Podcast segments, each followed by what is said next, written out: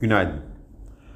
Aralık ayında işsizlik oranı bir önceki aya kıyasla %8.9'dan %8.8'e gerilerken yıllık bazda 1.4 puan azaldı. Atlanta Fed Başkanı faiz indirimlerinin muhtemelen yaza kadar gerçekleşmeyeceğini söyledi. Bugün yurt içinde perakende satış ve ödemeler dengesi istatistikleri yayınlanacak. Yurt dışında Amerika'da tüfe verisi takip edilecek. Bu sabah Asya endeksleri alıcılı bir görünüm sergilerken Amerika'da vadeliler yatay işlem görüyor. Borsa İstanbul'da hafif alıcılı bir başlangıç öngörüyoruz. İyi günler, bereketli kazançlar.